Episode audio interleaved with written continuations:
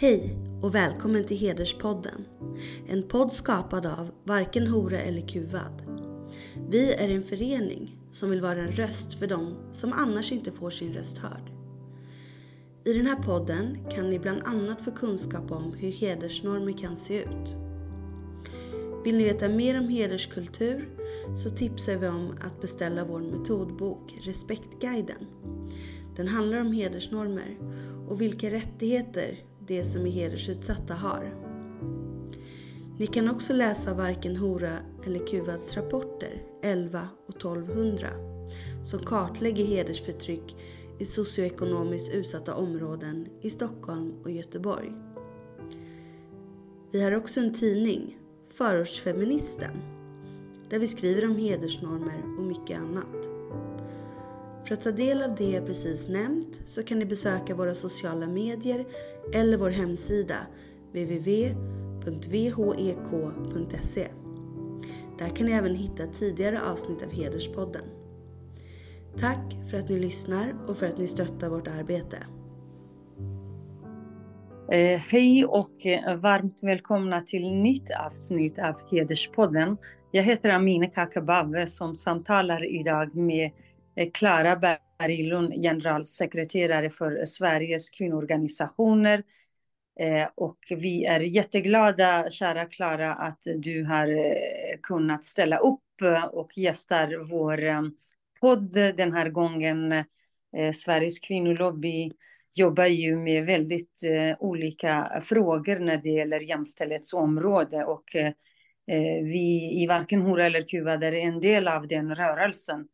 Och vi har samarbetat eh, kring eh, många frågor, eh, framför allt hedersförtryck och eh, framför allt när det gäller både barnäktenskap och tvångsäktenskap och, och olika frågor. Men på senare tid också det här med Iran och, och kvinnorna och flickor som, som utsätts ständigt för, för statligt våld och systematiskt våld så vi har ju jättemycket att eh, diskutera och, och, eh, och fråga och eh, se vad vi kan göra mer tillsammans. Så därför skulle jag bli jätteglad att om du själv också presenterar dig själv men också berättar att du faktiskt har deltagit på en kvinnokonferens i New York och du är nyligen hemkommen. Så eh, varsågod kära Klara. Men tack. Eh, tack så mycket och kul att få vara med. Eh, Sveriges kvinnoorganisationer, vi är ju en paraplyorganisation för kvinnorörelsen och vi har 52 medlemsorganisationer och varken Hora eller Kuvad är en av dem, en väldigt viktig av vår medlemsorganisation som vi samarbetar mycket med. Um, och tillsammans så samlar vi då med våra medlemsorganisationer 130 000 eh, kvinnor och flickor från hela Sverige. Och vi arbetar för jämställt samhälle och kvinnors rättigheter utifrån FNs eh, kvinnokonvention. Och ehm, jag tänker att det är viktigt, eh, som jag sa, att vi samarbetar mycket med eh, varken Hora eller Kuvad och vi har några andra medlemsorganisationer också som jobbar särskilt med heder och att ni spelar en så viktig roll i kvinnorörelsen att föra vidare er kunskap och eh, era förslag och era krav till den bredare kvinnorörelsen, att liksom driva den kampen tillsammans. Så det är jätteviktigt för oss och det är kul att få vara med. Ehm, och sen så kom jag hem i lördags då från FNs kvinnokommission, CSW, Commission on the Status of Women, som är en årlig konferens som eh, FN arrangerar i sitt högkvarter i New York som handlar om kvinnors rättigheter som är egentligen att man följer upp hur går arbetet med att leva upp till eh, kvinnokonventionen och verkställa handlingsplanen från Peking som handlar om vad behöver länders gör, världens länder göra för att, för att verkställa eh, kvinnokonventionen. Eh, så vi hade, och mötet pågår fortfarande, det pågår under två veckor eh, och så varje år så har det ett särskilt tema, så i år så är temat teknisk utveckling, Eh, digitalisering och också fokus på utbildning i en digitaliserad värld. Så då ska eh, världens länder, eh, medlemsstaterna i kvinnokommissionen enas om åtaganden vad man ska göra kopplat till jämställdhet och kvinnors rättigheter och det här temat.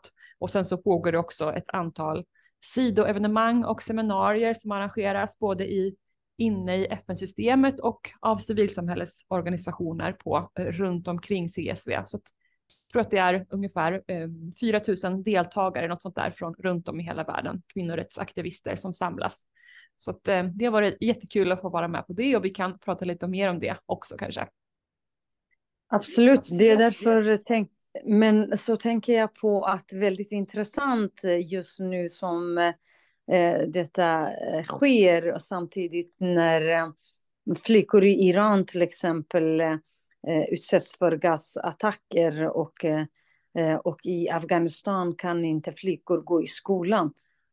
Och hur förhåller sig till FN till exempel? Diskuterade man de här aspekterna var de här ländernas representanter med. Alltså bara, bara det slog mig liksom det, aha, då ska man prata om utbildning, men om folk går till skolan och blir förgiftade, om i Afghanistan flickor inte alls kan gå till skolan, här, hur, hur förhåller sig till exempel FN till sådana länder och sådana ja, könsapartheidländer helt enkelt? Ja, um, det, det, um, jag kan säga först att de här um, förhandlingarna som ska leda fram till gemensamma slutsatser eh, och de slutsatserna de fattas beslut om via konsensus så att alla länder måste vara med på dem. Så därför blir de sällan liksom så långtgående som man skulle önska eh, att de skulle vara. Men många länder har lyft och eh, eh, också Sverige, de, de, här många sakerna som händer runt om i världen just nu kopplat till kvinnors rättigheter, som både är att det finns en backlash eh, i flera länder, men också att det finns en växande motståndsrörelse, såsom eh, i Iran, att det pågår en feministisk revolution och det är många länder som eh, har lyft det i sina anföranden och även situationen i Ukraina och eh, kvinnors och flickors rättigheter kopplat till eh, Rysslands krig mot Ukraina. Så att att det är väldigt närvarande i samtalet, men tyvärr så när det gäller att komma överens om vad länderna ska göra Eh, så blir det ofta då som sagt eh, inte så långtgående som man själv skulle vilja eftersom att alla ska komma överens och hålla med om det. Eh, och sen är det lite speciellt, det var ju en stor sak som hände inför årets kvinnokommission att Iran, det var en resolution från USA om att Iran ska uteslutas ur kvinnokommissionen och det har ju vi tyckt ända sedan Iran först blev medlemmar för några år sedan så, och den röstades igenom. Um, så på det sättet är det ändå en stark, en stark markering från ja, men, världssamfundet eh, mot Iran och till stöd för eh, kvinnor och flickor. Så det är eh, väldigt viktigt.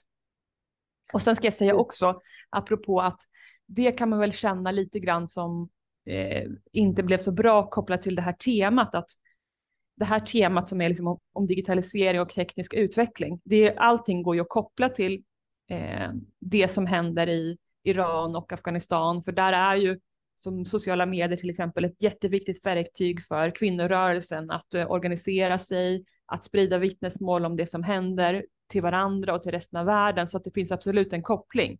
Men eh, det, det hade kunnat finnas andra teman som hade varit mer eh, relevanta som hade kunnat göra att vi hade fått ännu mer fokus på det som händer just nu än vad vi fick eh, utifrån det här temat. Det var jätteintressant och det var ju verkligen eh, jättebra att äntligen eh, Iran blev utesluten för att vi har ju kämpat länge, ja, både Saudiarabien och, och de länderna där könsapartheid förekommer, det borde, det borde vara likadant.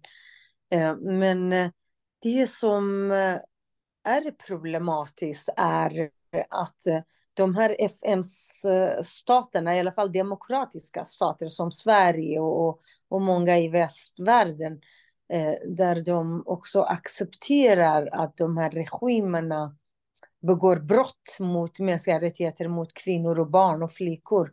Eh, men de, de är fortfarande i FN och det är klart att, att bli utesluten från kvinnokonventionen, det är bra, men samtidigt till exempel de blir bjudna till FNs korridorer.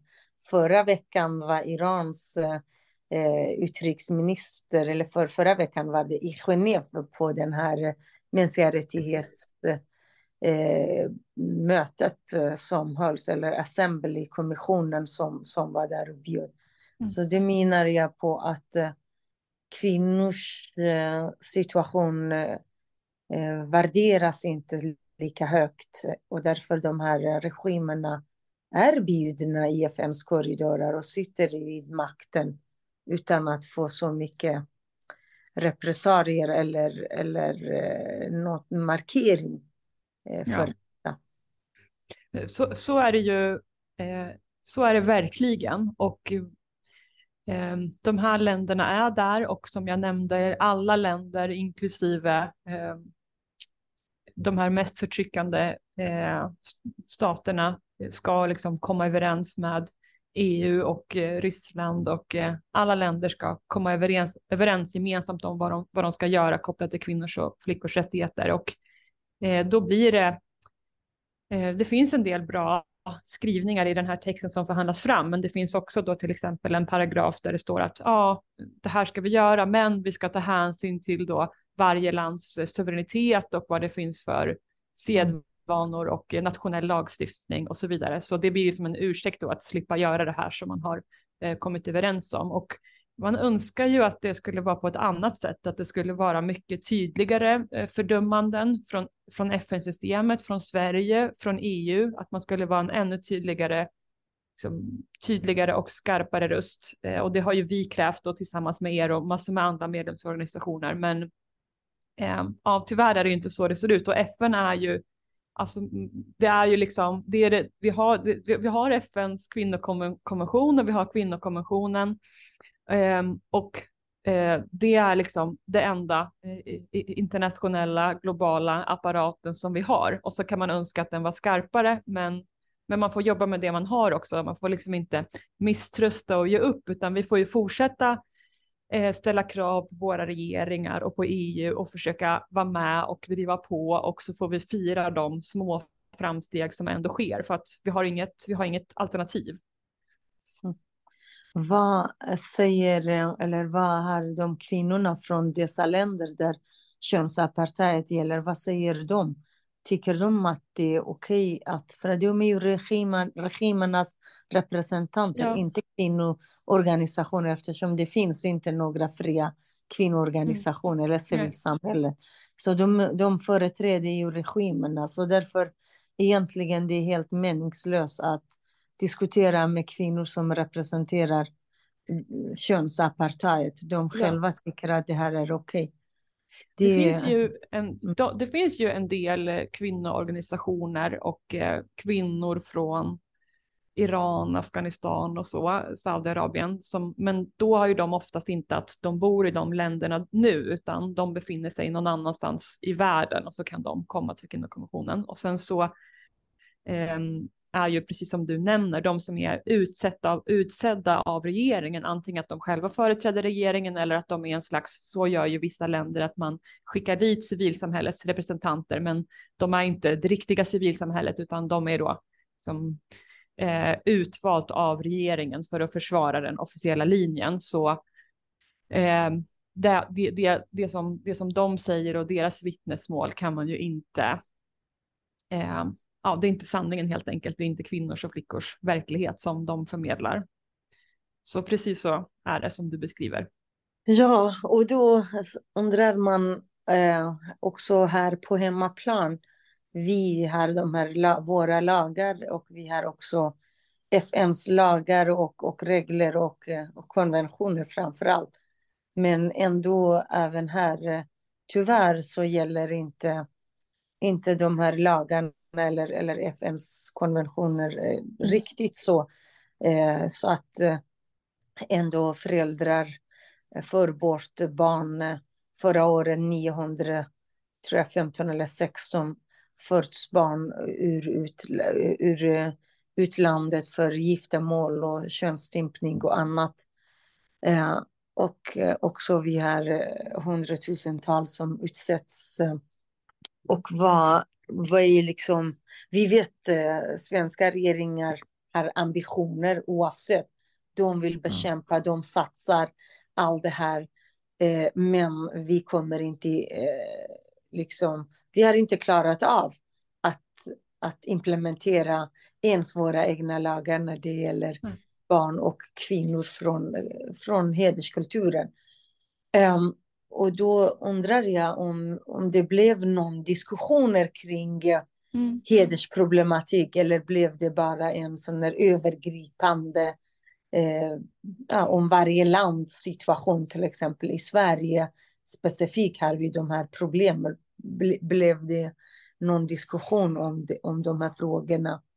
Eh, det, det ofta då så är en, eh, det som finns med eh, nästan varje år på eh, Eh, kvinnokommissionen och som kommer säkert vara med i de här överenskomna slutsatserna också, det är ju att det står liksom specifikt om könsstympning och specifikt om barnäktenskap och tvångsäktenskap och sen så skriver man om harmful practices och då är det tänkt att det ska täcka in heders, hedersrelaterat våld och förtryck. Men vi hade ju önskat såklart att det var mycket mer eh, specifika skrivningar och som innefattade liksom alla former av hedersrelaterat våld och förtryck och inte bara de här mest extrema, eh, ex, mest, mest grö, allra grövsta brotten och också liksom eh, allting som leder upp till det och inte bara liksom, praktiken i, själv, i sig. Alltså så som vi har sett den utvecklingen som vi har, har jobbat för i Sverige, att liksom inte bara själva eh, barnäktenskap, utan allting som handlar om att förbereda, bidra till, föra ut ur landet, allting det måste inkluderas.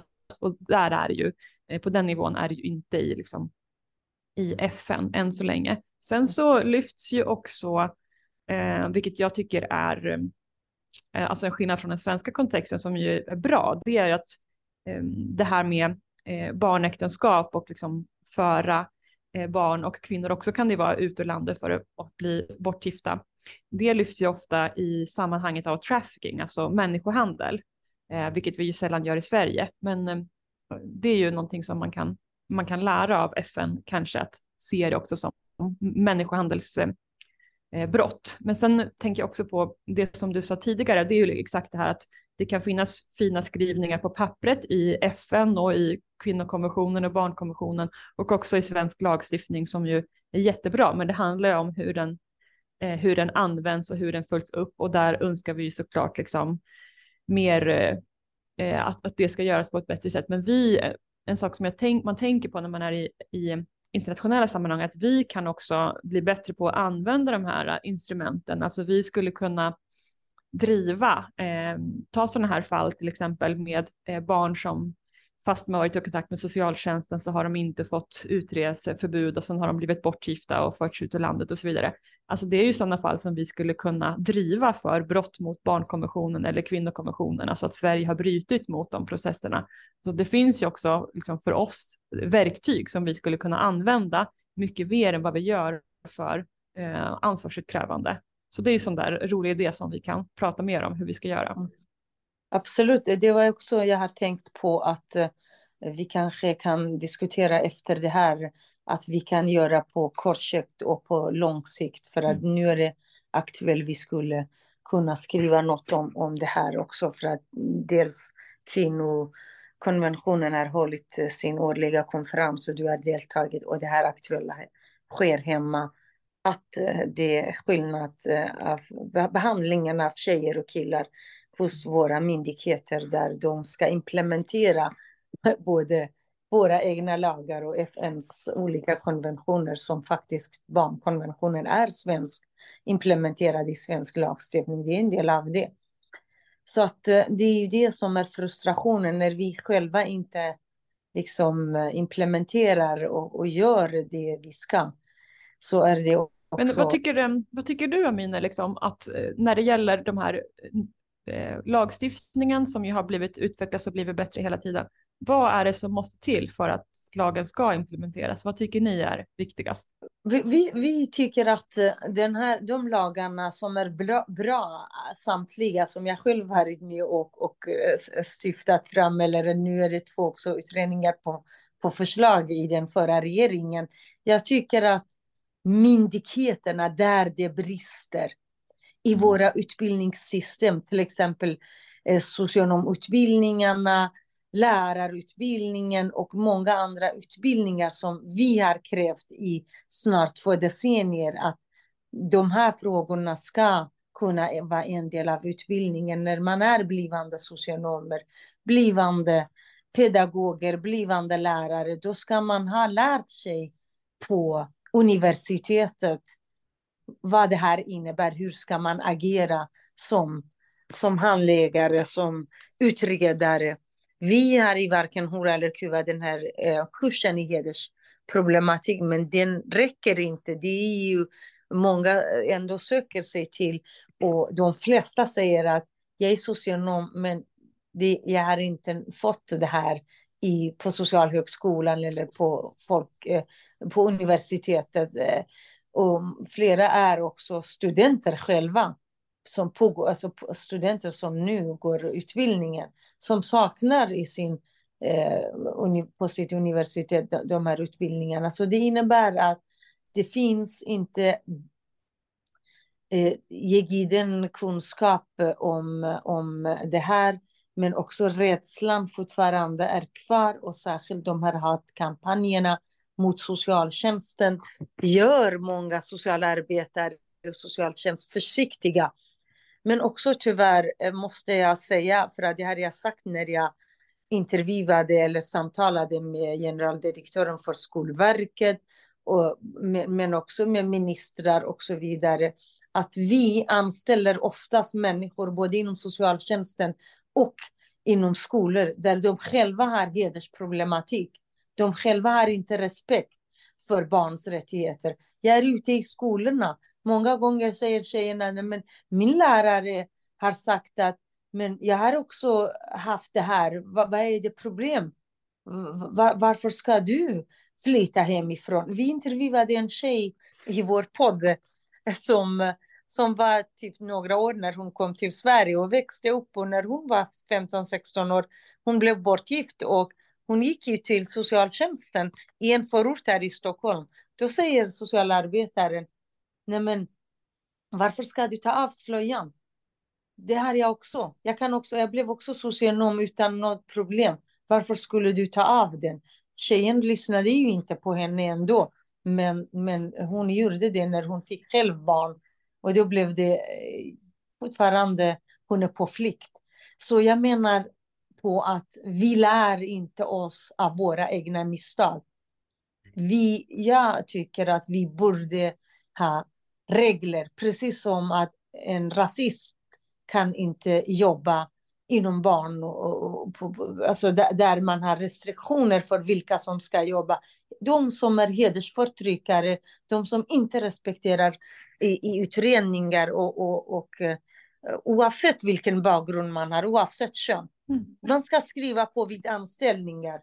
Jag lovar med heder och samvete att uppföra den här tjänsten oavsett vilka barn det är. Och hedersförtryck, hedersproblematik vet jag. Och de som det kommer till min kännedom jag ska behandla precis enligt lagen. Jag tycker att det borde man ha inom barn och omsorgsområdet i alla fall där man kommer i kontakt med de här människorna. För att det här, precis som du nämnde, Klara, i FN tar man hänsyn till ländernas sed och sed, sedbruk och tradition och lagar och eh, landets suveränitet. I Sverige tar man hänsyn till människors kultur och religion och bakgrund. Det är det som är grundproblematiken fortfarande. Mm. Mm.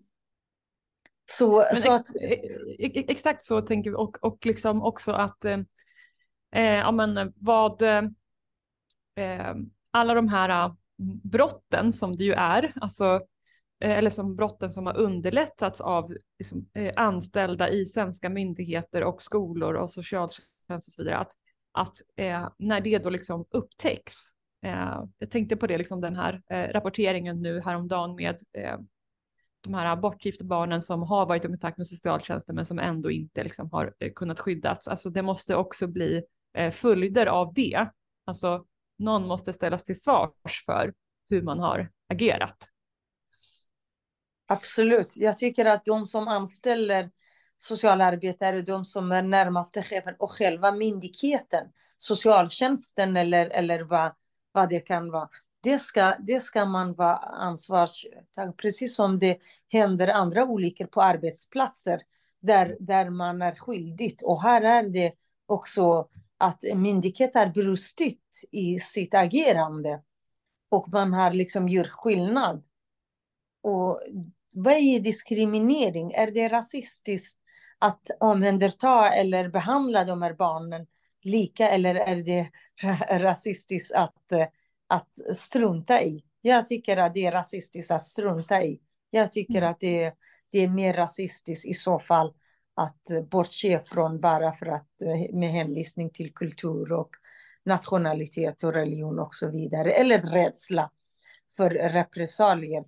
För att det är kanske inte alla gånger enskildas, eh, det är oftast policy på en arbetsplats.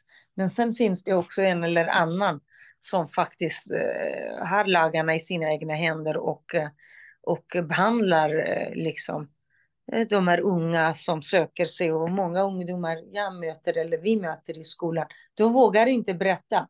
De säger att Amine, det blir ingenting av det här. Det är bättre att vara förtryckt då kan jag ändå skynda och göra som mina föräldrar säger när jag blir 19. Då blir jag bortgift. Då är det bättre, jag har bara en man att, att göra med. Men oftast tyvärr blir det inte så, så mannens familj är också emot dem. Så därför vi kommer, det här kommer liksom bli en, en som upprepas och upprepas och därför har vi hundratusentals mer. Jag, jag, jag tror helt säkert på att vi har en halv miljon utsatta unga och vuxna kvinnor och män och homosexuella och så vidare som, som är utsatta för hedersförtryck. Eh, men, men det är ju för dem svårt att själva eh, göra något när myndigheterna är inte med än. Mm. Eller hur är bakom en.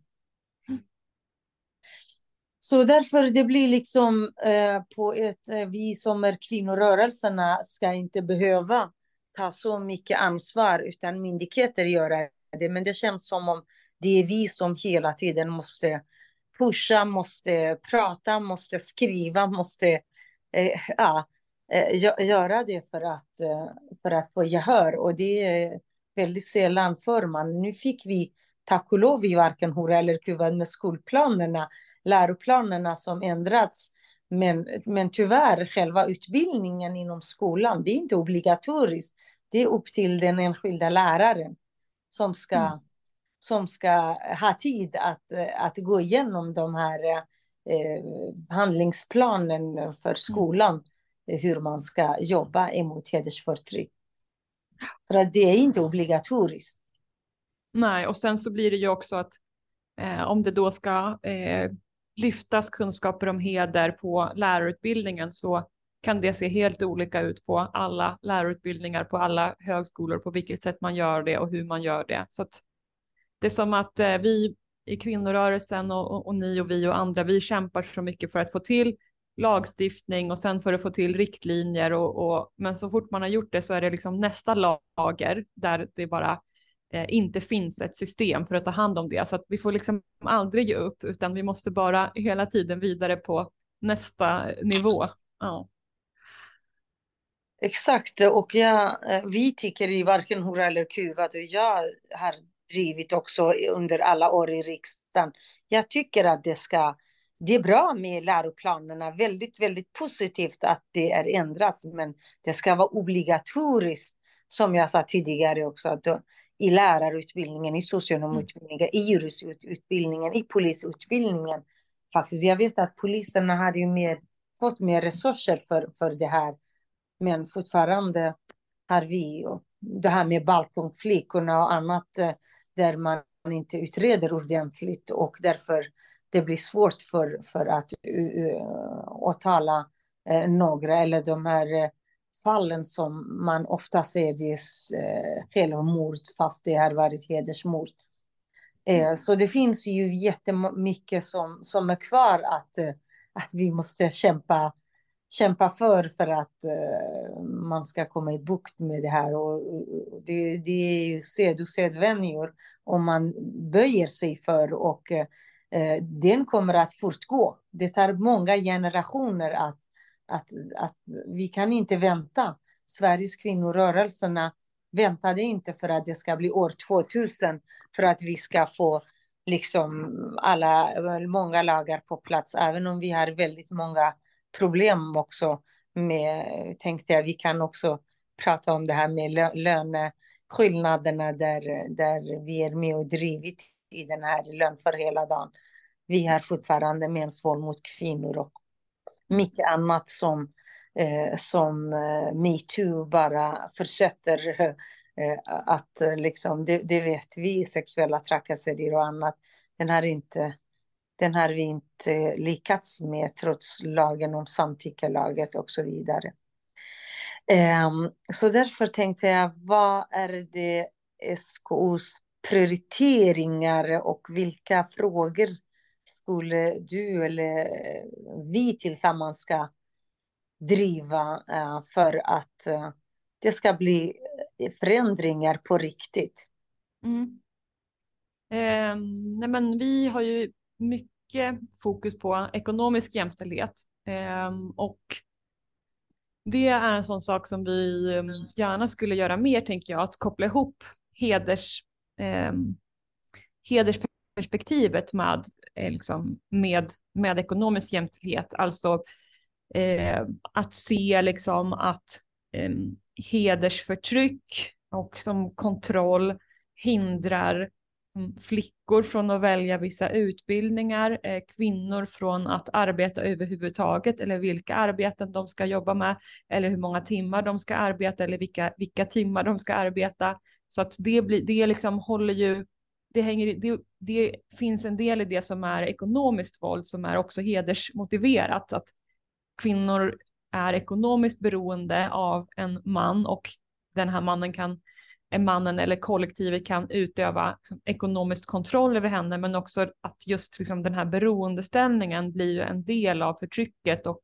förhindrar eh, eh, frigörelse och att komma därifrån. Alltså det är en sån där sak som vi, jag tänker vi skulle gärna prata mer om. Vad, vad tänker du om det? Absolut, det har vi hela tiden eh, också eh, påpekat att eh, skillnaderna det, om, om, alltså det spelar ingen roll vilka kvinnor det är. Det finns lön, eh, låglöneyrken och det vet vi. Men, men för att eh, invandrarkvinnor som, som vi möter till exempel under 8 mars så hade vi seminarier både i Botkyrka och i Skärholmen. För den målgruppen du tar upp här. Och de har ju bott i det här landet mellan 15 och 35 år. Fortfarande hemmafruar utan utbildning, utan arbete, till och med svenska språket är väldigt, väldigt... Eh, alltså, de, de kan inte det. Och därför vi har föreslagit att varför inte kommuner skulle ta sitt eget ansvar istället för att ge en massa pengar till privata sektorn. Projekt mm. hit och dit och de här kommer aldrig vare sig till utbildning eller, eller till ett arbete kommunerna skulle ta mer sitt eget ansvar och att eh, till exempel öppna olika företag eller olika som till exempel ja. Laga mat och att barnen på dagis och äldrevården och skolan skulle få den maten då, där det, man inte lagar mm. egna mat utan beställer sån här dålig mat från andra ställen. Att öppna till exempel, många är väldigt bra på att eh, Eh, sy eller, eller, eller väva mattor eller brodera. Jag vill inte det ska vara kvinnosysslor, men för vissa kvinnor som har bott i det här landet i 30 år och inte, ja. inte kan språket, det är svårt. Man kan inte, det är också den här regeringens krav på att ja. du ska Man måste, ha... Man måste lyssna på de här kvinnorna själva också, för det säger ju många eh, kortutbildade utrikesfödda kvinnor, framförallt liksom man är har invandrat till Sverige från länder utanför Europa. Det som de kvinnorna själva säger är ju att man vill jobba inom barnomsorg eller äldreomsorg till exempel. Och då har vi jättestor, jätte, jättestor arbetskraftsbrist i de yrkena och eh, ändå liksom så misslyckas vi med att skapa vägar in i det liksom, som kan vara eh, eh, ett sätt att få en egen försörjning, att få en egen självständighet och frihet och tjäna in till sin pension och sådana saker. Så att Ja, det, um, det är superviktigt och det är också prioriterad fråga för oss och vi måste utöver kommunerna ligga på eh, regeringen. Den här regeringen har ju tagit bort till exempel att det har varit utrikesfödda kvinnor har varit en prioriterad grupp för Arbetsförmedlingen att jobba med i deras regleringsbrev. Det har ju eh, arbetsmarknadsministern Johan Persson, han har ju tagit bort det i de här regleringsbreven och så satsar man jättemycket nu på det som kallas för matchningstjänster, alltså det är då ett Eh, koncept för att matcha arbetssökande mot jobb, men problemet för den här gruppen kortutbildade utrikesfödda kvinnor, det är att de anses ha liksom, inte kvalificera sig för det, för de står så långt bort från arbetsmarknaden så man bedömer att de inte är matchningsbara. Så att, eh, vi liksom satsar jättemycket pengar på arbetsmarknadsåtgärder som de inte ens kommer kunna få ta del av, fast det är de som då behöver dem allra mest. Så att, jag tror som på alla eh, nivåer, både kommun och eh, gentemot regeringen, så alltså eh, utrikesfödda kvinnors eh, försörjning eh, är en superviktig fråga. Absolut, och det handlar om deras självständighet och har man makt över sin ekonomi då kan man också hävda eh, liksom mycket annat och kan vara självständigt på annat håll och att framförallt barnen ser att mamma som, som, är, eh, som är självständig. Jag har många bekanter som säger att eh, mina barn är så glada när jag, glada när jag går i skolan eller till jobbet och de är stolta berättar för andra barn. Min mamma jobbar, min mamma går i, i skolan eh, och, eh, och utbildar sig. Istället för att eh, om barn frågar vad gör din mamma, hon är hemmafru. Och det är mm. väldigt jobbigt för många barn. Eftersom vi rör oss mycket inom skolor och fritidsgårdar och så, då hör man oftast detta. Och precis att lyssna på kvinnorna.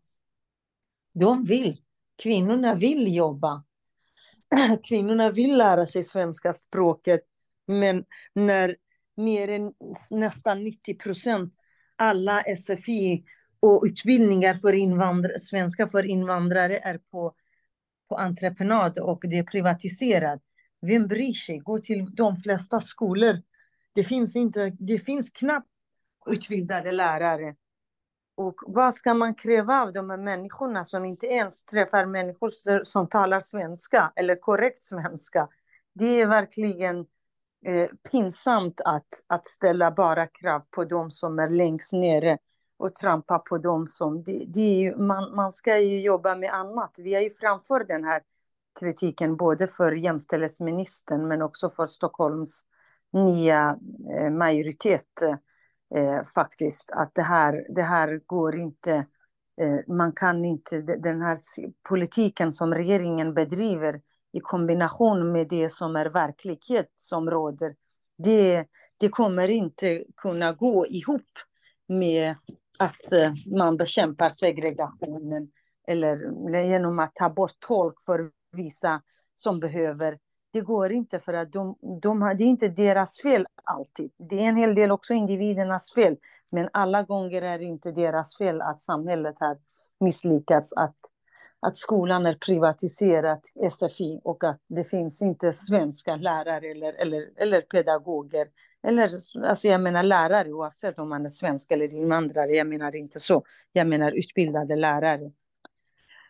Så det, allt det här måste, måste funka för att eh, en arbetsmarknad också ska kunna funka. Eh, för att jobbar du med barn och äldre, då måste man kunna lite svenska. Då måste man kunna pedagogi när man jobbar med barn. Så därför är det inte så lätt egentligen.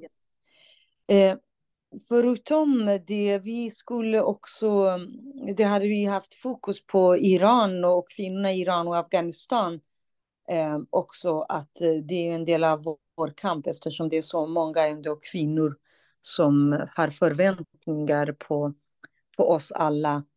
Eh, vi skrev ju en debattartikel nu in, på 8 mars eh, och eh, har ett antal krav på regeringen.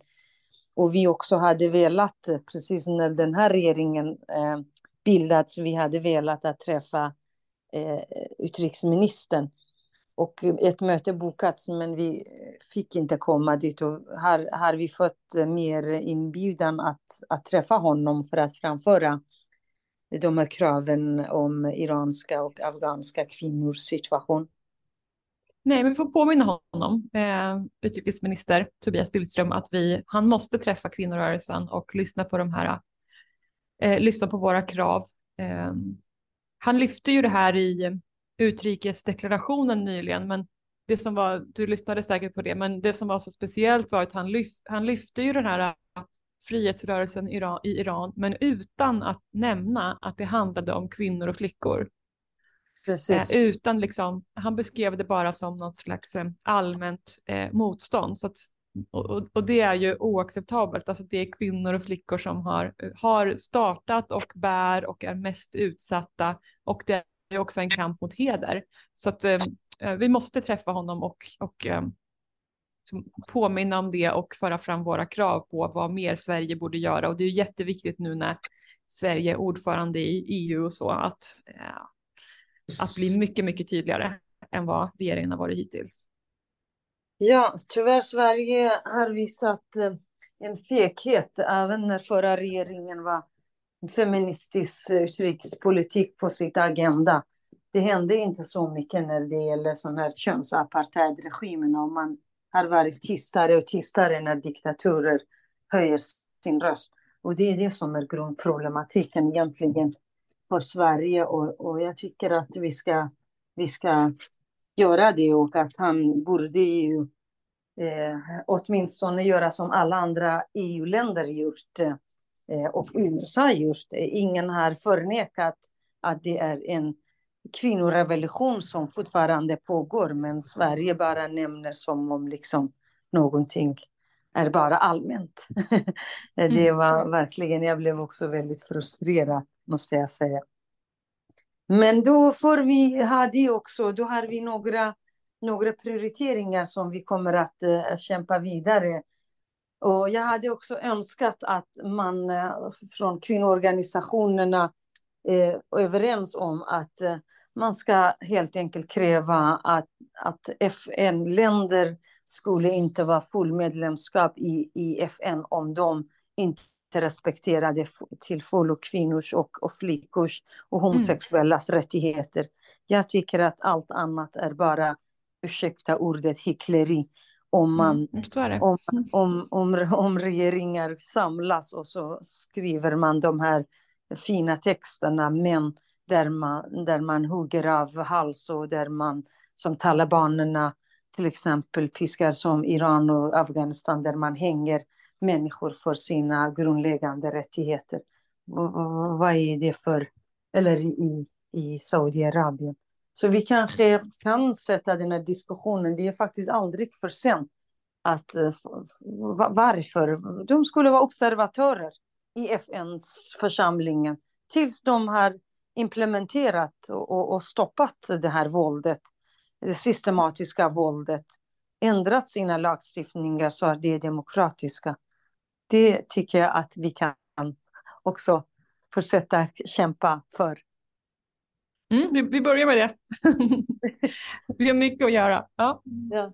Men det är bra om Sveriges eh, kvinnoorganisationer driver, vi är ju hundratusentals medlemmar och, och mm. det skulle i alla fall utmana eh, regeringen.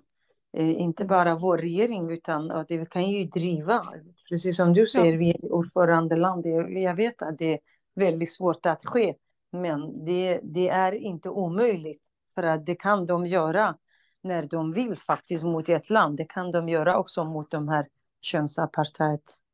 Men eh, Klara, eh, är det någonting annat du skulle gärna lyfta upp?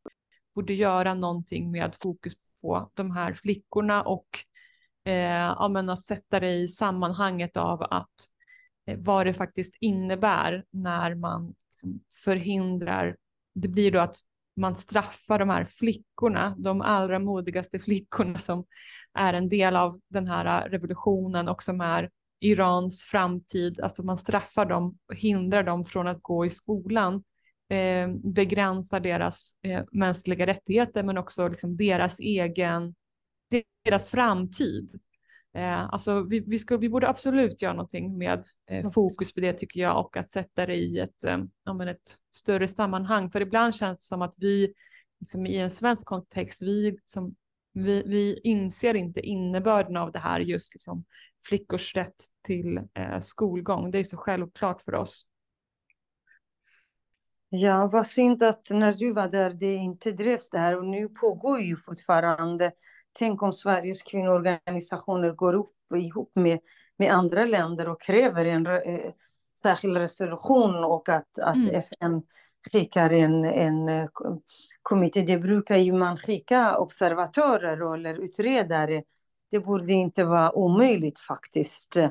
Om så Iran nu känner sig så oskyldigt och att, att de skyller på andra. Fast alla mm. vet att det är regimen själva, de bestraffar de här unga tjejerna. Och det började i Khomeinis egen hemstad, Qom-staden Qom i i november för att där man vill markera, man gör inte så mot den islamiska regimen. Så därför hoppas jag att uh, du kan nå uh, folket där på något sätt om uh, man listar de här länderna mm. som är, tycker som oss.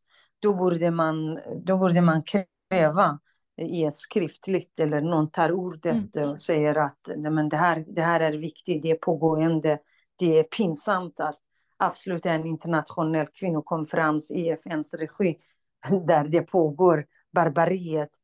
Eller hur? Ja, absolut. Um, vi kan, vi, ska, vi kan uh, självklart lyfta det och sen så får vi ta upp det också när vi förhoppningsvis får träffa utrikesministern uh, framöver. Exakt, jättefin kära Klara.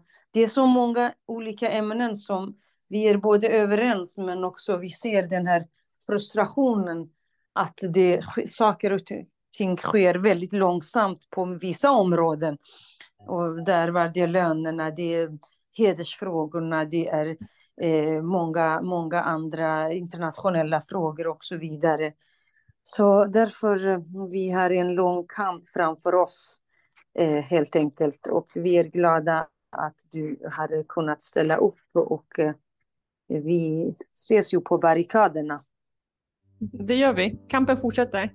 Ja, tusen tack. Och om du har det sista ordet så annars avslutar vi och tackar dig hjärtligt. Ja, men tack så mycket och tack för allting, inte bara den här podden utan allt arbete som ni gör och som, som du gör också, Amine. Detsamma, kära Klara. Kampen fortsätter. Ha det så bäst. Ha det bra. Tack, hej då.